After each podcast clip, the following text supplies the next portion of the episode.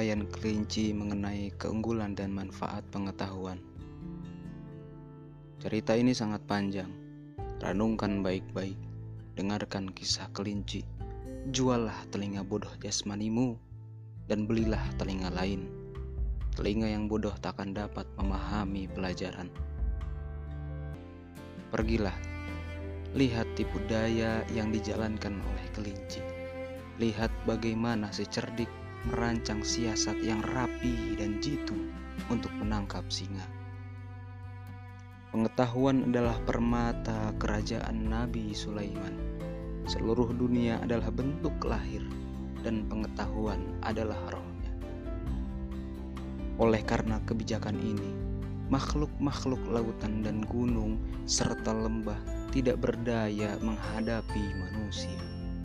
Kepada manusia, macan tutul dan singa takut seperti tikus menghadapi manusia. Seekor buaya yang buas di sungai besar menjadi pucat dan mudah terkena hasutan. Hadirnya manusia membuat peri dan hantu mengungsi jauh ke pantai, masing-masing mencari tempat bersembunyi. Manusia mempunyai banyak musuh. Orang yang waspada adalah dia yang arif dan bijaksana. Dalam diri manusia bersembunyi makhluk-makhluk, ada yang baik, ada yang jahat. Setiap saat jampi-jampi mereka menikam hati manusia.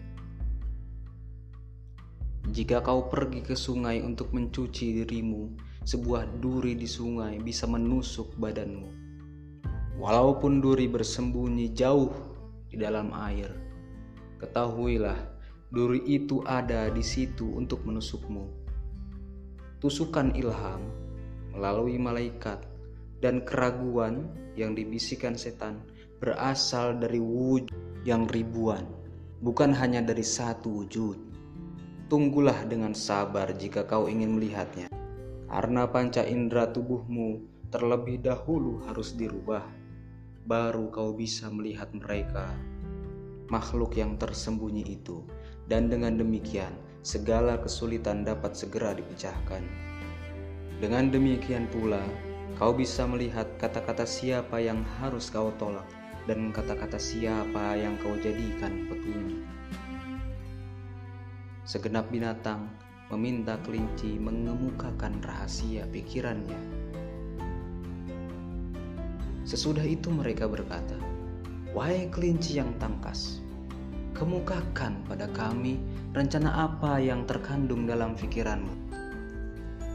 Wahai kau yang telah pernah bertarung melawan singa, maklumkan rencanamu yang telah dipertimbangkan dengan matang itu. Petuah yang arif dapat menerangi penglihatan dan pemahaman. Pikiran dapat ditolong oleh pikiran yang lain. Nabi berkata, "Wahai penasehat, petiklah nasihat dengan sepenuh percayaan bila yang menasehati itu orang yang terpercaya." Kelinci menyembunyikan rahasia pikirannya. Kelinci berkata, "Orang tidak boleh menyimpan rahasia terlalu dalam."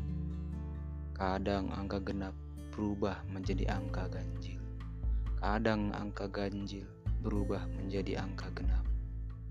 Jika dari tempat tertutup, kau tiupkan kata-kata ke arah cermin, suatu ketika cermin akan menjadi muram di depan kita.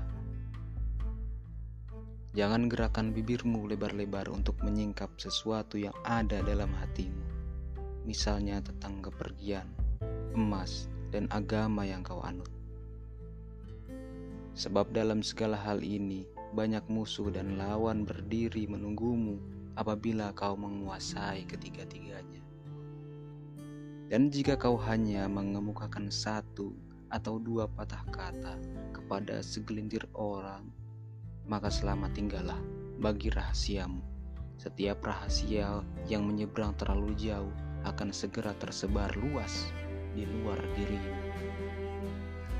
Jika kau ikat dua atau tiga ekor burung bersama-sama, mereka akan tetap di tanah dan tidak akan bisa terbang, terpenjara oleh kesedihan. Walau sebenarnya mereka bersepakat menyembunyikan dan bersatu padu, namun makna yang muncul akan ditangkap keliru. Begitu pula Nabi biasa meminta nasihat dengan berkata secara berbisik dan mereka para sahabat akan menjawab dan menjadi orang yang tidak berpengetahuan tentang makna hakiki. Dia akan mengemukakan pandangannya melalui kias agar supaya musuh tidak mengenal kaki melalui kepala. Dia, Nabi, akan menerima jawab dari musuhnya dengan penuh pengertian, sedangkan yang lain tidak dapat menangkap aroma persoalan.